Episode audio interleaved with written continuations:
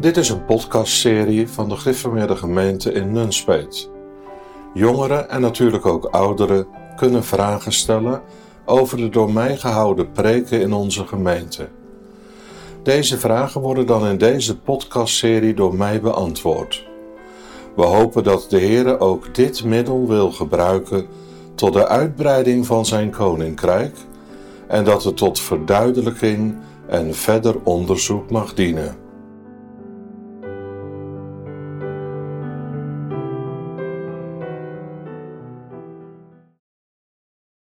In de preek over huiscategorisatie zei u dat de vader, de priester, het hoofd van het gezin is. In de kerk zie je dat veel mannen gaan staan bij het bidden. Heeft dit ermee te maken dat de vader het hoofd van het gezin is? Dat de vrouw niet gaat staan bij het bidden, een hoed draagt om te laten zien dat de man het hoofd is? De opmerking dat de man het hoofd van het gezin is, heb ik gemaakt in een preek over Exodus 12. Het ging over het Pascha, waarbij de kinderen aan hun vader moesten vragen wat alles betekende. En de vader had de taak om uit te leggen wat de inzettingen van de Here bedoelden. Deze vraag gaat over het staan tijdens het bidden in de eredienst door de mannen en de jongens in de gemeente. De kerkraad vraagt aan de belijdeniscategorisanten bij het doen van openbare beleidenis des geloofs of de jongens tijdens de dienst willen gaan staan en ook of zij dat in de toekomst willen blijven doen. Niet dat dat per se gebonden is aan het doen van beleidenis.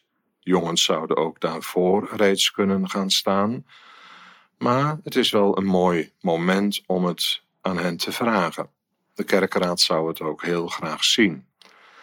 Dat niet sommige jongens, maar alle jongens, alle mannen tijdens het bidden zouden gaan staan.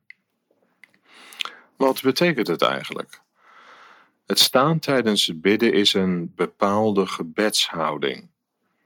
Er zijn meerdere gebedshoudingen. Een gebedshouding is bijvoorbeeld het knielen. We komen dit in de Bijbel ook tegen. Denk maar aan de geschiedenis van Daniel. Hij knielde drie keer op een dag met een open venster naar Jeruzalem om de naam van de Heere aan te roepen. Knielen is een hele eerbiedige gebedshouding.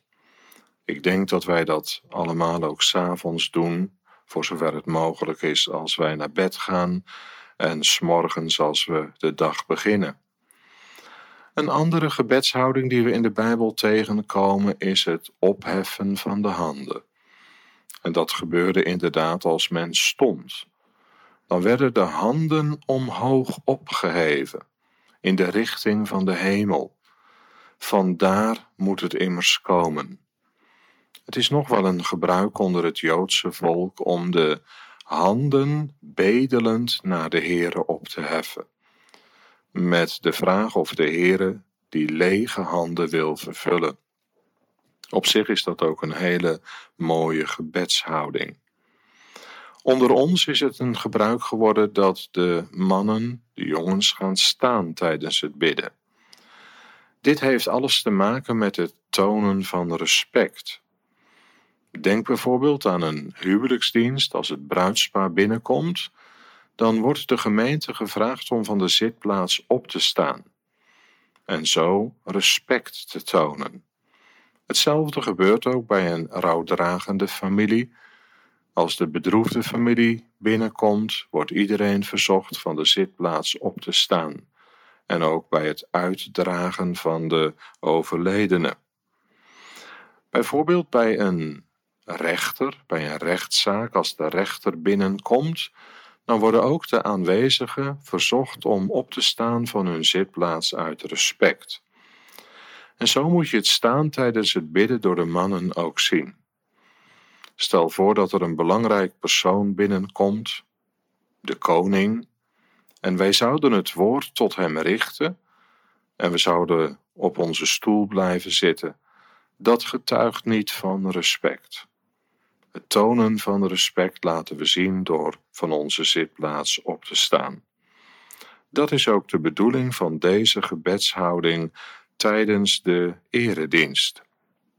Dat de vrouwen een hoofddeksel dragen, is heel duidelijk voorgeschreven in 1 Korinthe 11.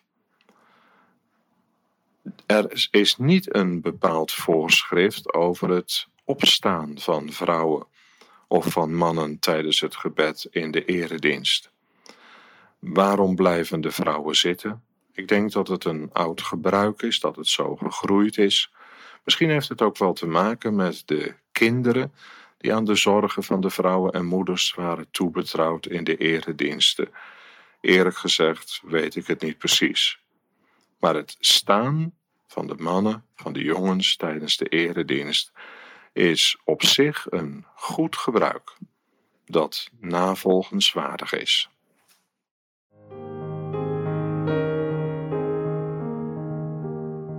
Heb jij nu ook een vraag over de preek? Kijk dan op gergemnunspeet.nl slash podcast. Je kunt daar een vraag indienen en alle eerder beantwoorde vragen terugvinden.